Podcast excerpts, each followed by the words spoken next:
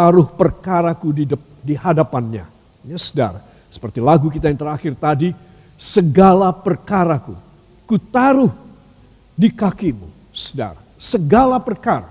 Kata perkara adalah perkara. Perkara itu bukan hanya ya soal makanan, soal pekerjaan, soal anak. Perkara ini juga merupakan mengenai soal kasus kita. Ya, saudara. Nanti sebentar saya akan tunjukkan kepada saudara. Saudara kita akan bersama membuka Alkitab kita dalam Ayub pasal yang kelima, ayat yang ke-8 dan ayat yang ke-11. Kitab Ayub pasal yang kelima, ayat 8 dan ayat yang ke-11. Saya minta saudara membaca dengan suara yang nyaring, juga di rumah saudara. Ayub 5 ayat yang ke-8 dan ayat yang ke-11. Satu, dua. Tetapi aku tentu aku akan mencari Allah dan kepada Allah aku akan mengadakan mengadukan perkaraku.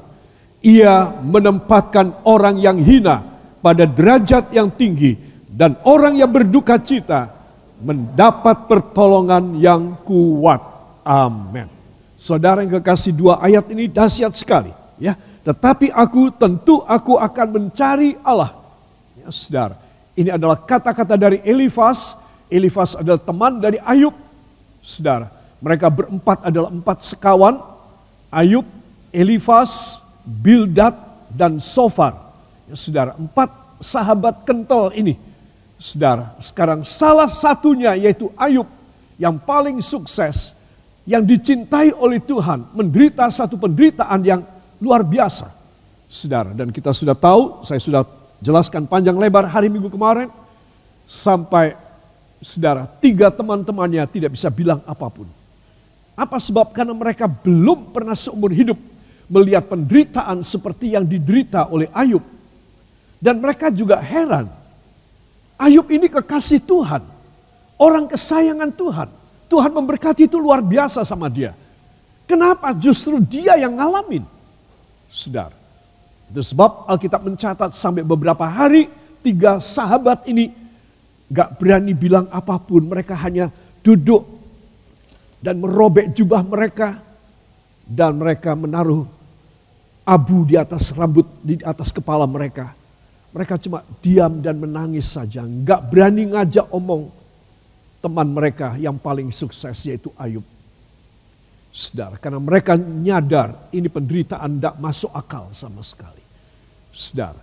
Tetapi saudara dalam perjalanan hari-hari kemudian, Ayub tidak tahan. Dia tahu bahwa ini pencobaan dari Tuhan, tapi dia tidak tahan, saudara. Itu sebab dia mulai ngomel sama Tuhan. Dia mulai marah. Dan dia mulai bukan cuma marah, dia mulai membuat gara-gara sama Tuhan. Ya, saudara, saya yakin dia punya pikiran sekalian Tuhan marah sekalian biar aku mati sekalian dah. Aku tidak tahan saudara. Barangkali dia punya pikiran sedemikian. Tapi Elifas mengingatkan, kalau aku yang ngalamin, ya Elifas berkata tadi, tentu aku mencari Allah. Karena ini semua dari dia. Semua deritamu ini atas kehendak Allah, ya aku akan mencari Allah. Kamu harusnya mencari Allah. Kamu jangan ngomel. Cari Tuhan.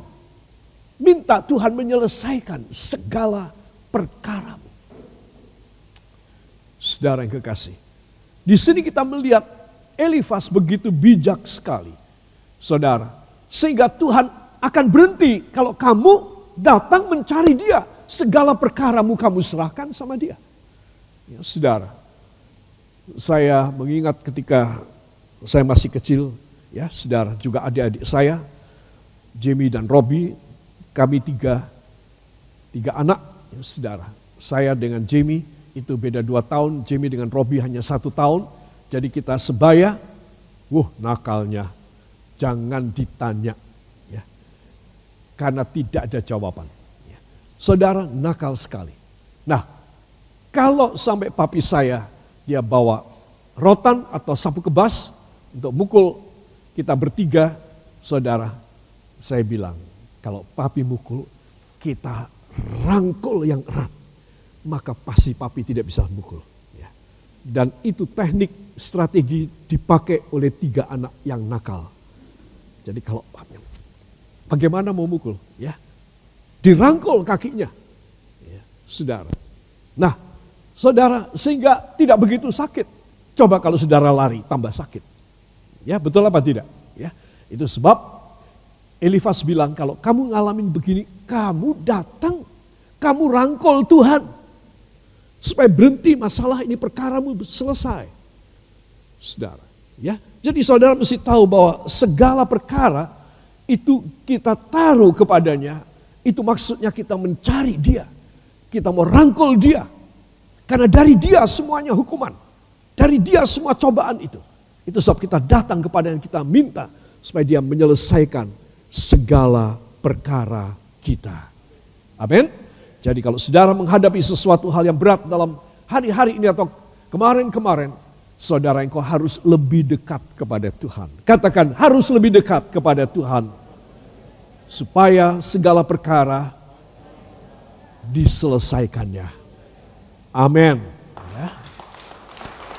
Saudara, dan ini merupakan sesuatu pelajaran yang penting sekali, justru ditulis di kitab yang paling tua, lebih tua dari kitab kejadian. Ya saudara. Nah ayat yang ke-11, saudara.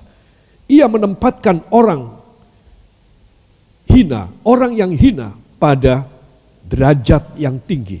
Dan orang yang berduka cita mendapat pertolongan yang kuat. Ya saudara, dia menempatkan orang yang hina. Ayub, kamu kan sedang hina saat. Kenapa kamu enggak nyadar bahwa kamu itu hina sekarang ini. Rendahkan dirimu, rendahkan hatimu kepada Tuhan. Maka kamu akan dinaikkan derajatmu, martabatmu akan ditinggikan. Perkaramu selesai, ayat 8, dan martabatmu diangkat kembali oleh Tuhan. Tidak apa-apa orang sekarang menyaksikan bahwa kamu punya harta benda ludes, anakmu tujuh pada mati semua.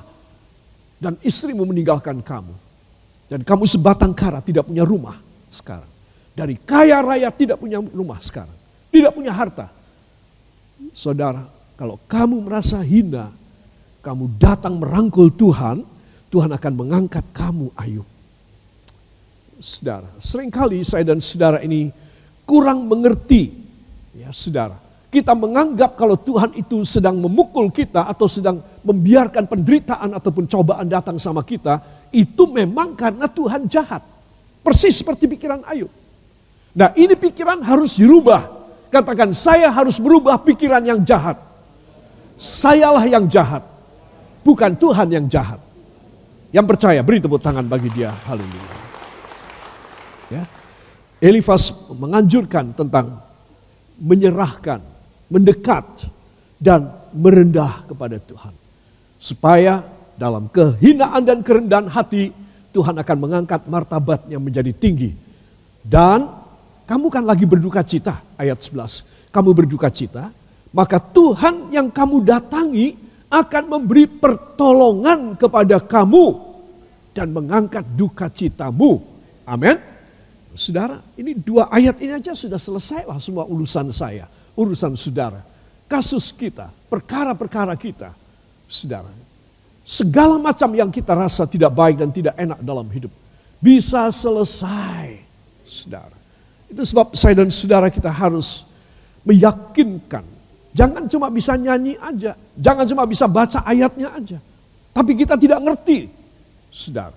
Kita bisa membaca ayatnya, kita bisa menyanyikan segala perkara ku taruh di kakimu, saudara. Dan kita mempunyai sikap hati, katakan sikap hati yang datang kepada Tuhan Yesus, merendahkan diri, maka Dia akan menghapus segala urusan dan perkara kita.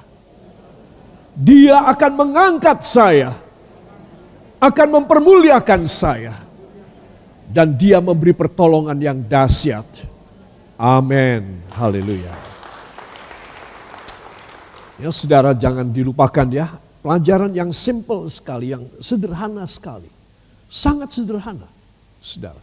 Tidak ada tidak ada unsur teologis di sini, tidak ada. Ini hanya unsur anak datang sama orang tua, orang tuanya yang sedang memukul dia, orang tua akan berhenti mukul kalau si anak itu merangkul dia. Saudara, ya. Para kekasih, sebab apa yang kita tadi sudah baca, sekali lagi kita akan baca. Satu, dua. Tetapi aku, tentu aku akan mencari Allah. Dan kepada Allah, aku akan mengadukan perkaraku. Ia menempatkan orang yang hina pada derajat yang tinggi. Dan orang yang berduka cita mendapat pertolongan yang kuat. Amin. Beri tepuk tangan bagi dia. Saudara itu sebab saya ingin supaya semua saudara menyadari bahwa dia adalah advokat, dia adalah pengacara kita. Sebab ada kata-kata segala perkaraku. Saudara. Yang saya heran semua media televisi itu sekarang tentang kasus pembunuhan dan segala segala keadaan yang tidak baik dan saya tidak mau mengikutinya. Saudara, yang saudara tahu itu saben hari, hampir saben hari barangkali. Selalu ditayangkan persidangannya, belum lagi nanti wawancaranya oleh para ahlinya. Saudara, dari satu kasus, memang itu kasus besar, ya saudara, tidak bisa dipungkiri. Tetapi ketika itu diumbar, itu menjadi pelajaran buat anak-anak remaja, ya saudara. Dan itu menurut saya tidak baik. Tapi biarlah itu adalah keuntungan dan keuntungan dari para stasiun televisi. Tidak usah bikin acara, itu aja ditayangkan. Orang pada senang. Orang pada senang suka melihat kasusnya orang lain. Kejatuhannya orang lain. Kriminalitas orang lain. Sengsaranya orang lain. Dia mau dihukum setengah mati atau seumur hidup atau mati. Saudara, Tuhan tidak begitu. Orang yang berdosa datang kepada dia dia akan mengampuni dosanya dan dia akan diselesaikan semua perkaranya. Lagu kita tadi segala perkaraku, semua katakan segala perkara saya. Saya serahkan ke hadiratnya. Dia akan mengangkat saya pada derajat yang tinggi. Dia memberi pertolongan yang kuat dalam penderitaan saya. Amin. Haleluya.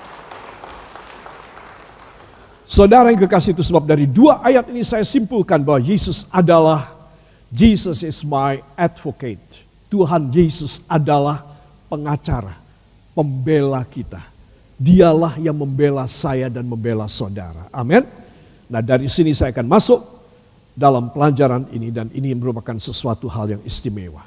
Saudara saya menitik beratkan mengenai soal advocate atau pengacara ini pada ayat yang ke-11. Ia menempatkan orang yang hina pada derajat yang tinggi dan orang yang berduka cita mendapat pertolongan yang kuat. Katakan pertolongan yang kuat. Tidak akan ada yang lebih kuat lagi. Saudara, jadi kalau Tuhan Yesus beri pertolongan, saudara itu tidak terukur kekuatannya kekuatannya sangat dahsyat. Ya, saudara. Saudara, kira-kira ketika saya masih ada di SMP, saya sudah baca. Para ahli di Amerika, dia mengukur kekuatan, kekuatan listrik dan kekuatan ion pada sel-sel otak ketika orang, satu ketika orang belajar kuliah, dua ketika orang sedang uh, membaca koran, tiga ketika orang sedang berdoa. Tiga faktor orang ini diukur otaknya. Dan seorang anak Tuhan sedang berdoa, dalam kesungguhannya dia berdoa, saudara, dia menghasilkan energi yang paling besar. Paling besar. Jadi orang berdoa itu, saudara, dia membuat sesuatu tenaga untuk menghampiri hadirat Allah dan dia ketemu dengan Tuhan dengan satu indikator jarum indikator yang tinggi sekali. Orang kuliah, ujian, nggak seberapa naiknya jarum. Orang baca koran, nggak bergerak. Tapi orang berdoa sampai ke puncak. Indikatornya naik terus. Saudara, coba saudara bisa bayangkan. Dia dia tahu bahwa dia sedang datang kepada Tuhan, biasa aja. Itu kebiasaan dia berdoa. Tetapi para ahli menghitungnya, tenaganya, saudara, dan daya imbasnya yang keluar dari otaknya, saudara, itu luar biasa. Kalau saudara berdoa, itu saudara sedang mempunyai satu latihan untuk menghadap hadirat Tuhan. Engkau mempunyai satu aktivitas yang paling hebat yang engkau bisa lakukan, saudara. Yaitu ketika engkau ketemu dengan Tuhan, saudara. Itu sebab perkara rohani, katakan perkara rohani, selalu membuat dampak yang dahsyat. Doa saya juga berdampak dahsyat. Jadi jangan sepelekan ketika saudara mempunyai waktu saat teduh dengan Tuhan sendiri. Saudara, abaikan semua telepon yang masuk. Ataupun WhatsApp atau lain sebagainya. Abaikan semua. Saudara, itu semua rendahan dibanding saudara datang menghadap Tuhan. Amin. Jika saudara mencoba datang dan berusaha, saudara bersekutu dengan kuasa Allah Roh Kudus, engkau menghasilkan energi dan engkau mencatatkan energi yang paling besar. Saudara, saudara sering kali berdoa, saudara sering kali datang berseru kepada Tuhan, engkau adalah orang yang penuh kuasa. Otomatis, saudara. Itu sebab betapa pentingnya kalimat ini orang yang berduka cita mendapat pertolongan yang kuat. Dari mana? dari persekutuannya dengan Allah. Amin. Bila mana saudara dalam keadaan yang susah, seperti Ayub, maka Elifas memberitahu kepadanya, kenapa kamu demikian? Kalau aku, aku serahkan segala perkaraku kepada Tuhan. Satu. Dua, karena aku tahu dialah yang mengangkat orang yang hina pada derajat yang tinggi. Tiga, dan kalau kamu berduka cita seperti sekarang ini kamu datang kepadanya, dia memberi pertolongan yang kuat. Amin. Menarik sekali kata pertolongan yang kuat ya saudara. Kiranya ini menjadi pengalaman pribadi kita dengan Kristus. Kalau tidak ada pertolongan yang kuat, saya tidak tahan. Anda juga tidak tahan. Tapi karena ada pertolongan yang kuat, kita bisa bertahan. Bahkan bisa mulia. Amin. Para kekasih Ayat 11 ini berbicara tentang ke kekurangan, minus dan defisit. Ya, saudara. Kita melihat keadaan uh, kebencanaan dunia saat ini, ya, saudara.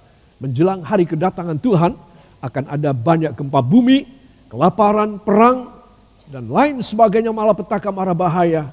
Fenomena alam itu sudah tertulis di dalam kitab suci. Ya saudara. Nah, kita baru saja mendengar kemarin bagaimana Turki dan Syria, saudara, dan imbasnya juga sampai ke Lebanon dan kemudian sedikit Israel, saudara, kena gempa bumi. Dalam sejarah dunia, gempa bumi pada magnitudo 7,8 skala Richter itu terbesar di dunia dalam sejarah. Jadi saudara, di zaman era postmodern ini, pasca modern yang sekarang kita hidup ini, terjadi gempa bumi terbesar dalam sejarah dunia. Itu karena semua bangunan-bangunan itu sudah beton, tahan gempa sebagian, sehingga korbannya tidak begitu banyak. Bayangkan kalau itu terjadi pada 20 tahun yang lalu ketika teknologi teknik sipil belum begitu membuat perancangan perumahan-perumahan rakyat dalam tahan gempa. Belum. Sekarang sudah. Makanya gempa pada skala 7,8 Richter itu itu terbesar dalam sejarah dunia. Saudara, korbannya cuma segitu saja. Karena bangunannya memang tahan gempa entoh tidak bisa tahan ketika gempa itu sudah mencapai di atas tujuh magnitudo. Saudara. Jadi saya dan saudara harus tahu sekarang kita ini ada pada masa yang sulit. Ya, itu sebab kalau saya dan saudara kita tahu semua keadaan, keadaan yang tahun ini dan berikutnya itu akan semakin sulit dan penuh dengan bahaya, maka ayo datang kepada Tuhan lebih dekat. Katakan harus lebih dekat. Tidak boleh jauh kepada Tuhan Yesus. Amin. Saya yakin itulah yang menjadi kehendak Tuhan. Saudara, ya. Jadi saudara mesti tahu bahwa pada akhir zaman akan terjadi hal-hal yang tidak menyenangkan. Kalau saudara dan saya jauh dari Tuhan, kita banyak aja alasannya. Selalu aja ada alasan. Mau datang sama Tuhan ada alasan. Mau live streaming ada alasan. Siapa bikin alasan? Setan. Dialah dalang dari semua alasan. Supaya apa? Supaya engkau dan saya menderita seperti Ayub. Tidak datang untuk menyerahkan perkara kepada Tuhan. Itu maksud setan. Seperti Ayub, tetap hina. Karena tidak datang sama Tuhan, tetap hina. Gak bisa diangkat derajatnya. Seperti Ayub, duka cita yang berat sekali. Tidak ada pertolongan yang kuat dari Allah. Padahal saya dan saudara hidup pada masa di mana dunia bergolak dan itu luar biasa sekali. Para kekasih percayalah pada apa yang telah dinubuatkan oleh firman. Yesus Kristus sendiri ingin menikah Gusti Yesus engkang sampun ngendiko sudah berfirman. Jadi semua macam bencana dan malapetaka bakal terjadi. Sebab kalau saya dan saudara mulai sekarang kita tidak dekat dengan Tuhan, saudara kemungkinan engkau tidak ada pertolongan yang kuat di dalam hidupmu. Semua katakan pertolongan yang kuat. Hanya saya dapatkan bila saya merangkul Tuhan Yesus. Begitu dekat dengan dia. Demi nama Yesus. Amin. Haleluya. Saudara kenapa saya bilang mengenai soal kekurangan minus defisit sekarang. Tadi saya menuliskan Jesus is our advocate. Sekarang Jesus is my provider. Yesus adalah pemelihara, penjamin, provider, penjamin. Saudara, ya. Kenapa? Karena berdasarkan ayat ini ya. Para kekasih saya akan tutup pada bagian ini supaya saudara harus jelas. Dalam ulangan pasal 33 ayat yang ke-29, ya saudara. Mari kita akan buka bersama. Kitab ulangan pasal 33 ayat yang ke-29.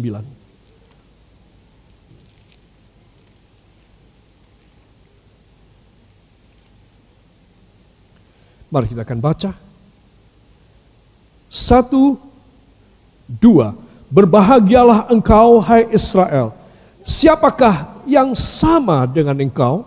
Suatu bangsa yang diselamatkan oleh Tuhan, perisai pertolongan dan pedang kejayaanmu. Sebab itu musuhmu akan tunduk menjilat kepadamu. Dan engkau akan berjejak di bukit-bukit mereka. Amin. Saudara, ayat ini dahsyat sekali ya, luar biasa. Berbahagialah engkau hai Israel, siapakah yang sama dengan engkau? Kenapa dikatakan siapa yang sama dengan engkau? Karena luar biasa berkatnya Israel. Luar biasa. Apa yang Allah lakukan, pembelaannya kepada Israel luar biasa. Enggak ada bangsa sama seperti kamu. Bangsa besar banyak. Tapi yang bangsa yang seperti kamu enggak ada Israel. Karena aku Allah yang membela kamu sendiri. Bayangin kalau saudara mendapat ayat ini bagi saudara. Aduh Tuhan, luar biasa pembelaanmu kepada hamba.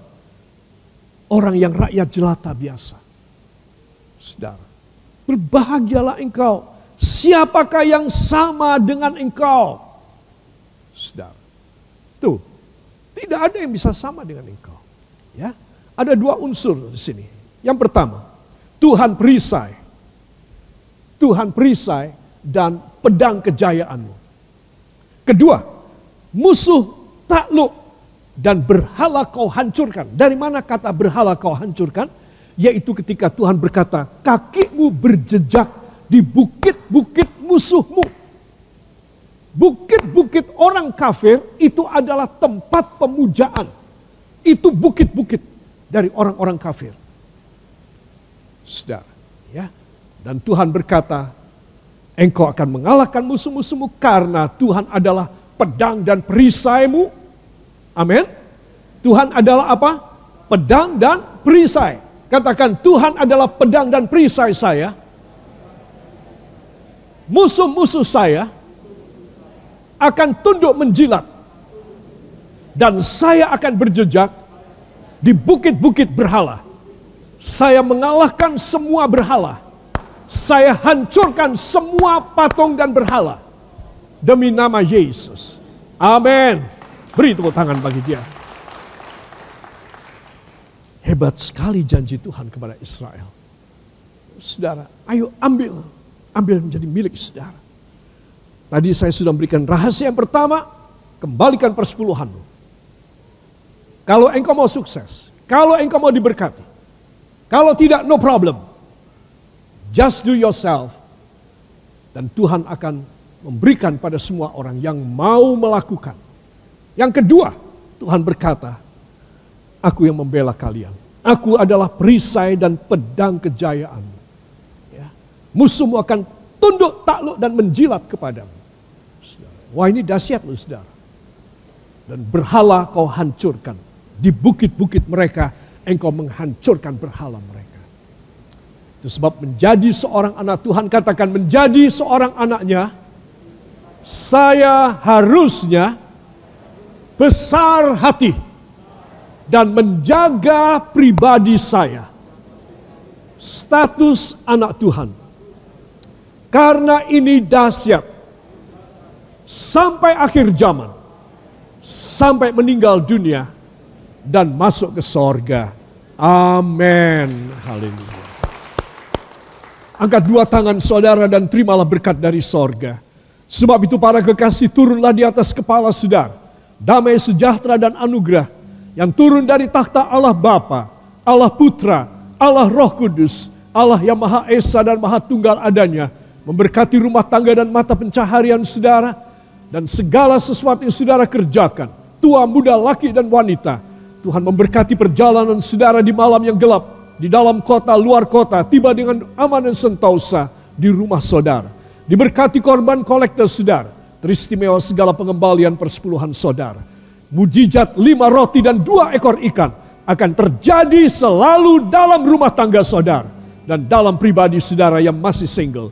Diberkatilah engkau semuanya hanya di dalam nama Tuhan Yesus Kristus, Juru Selamat dan penebus kami. Dan kita yang percaya mengaminkan. Amin. Beri tepuk tangan bagi dia.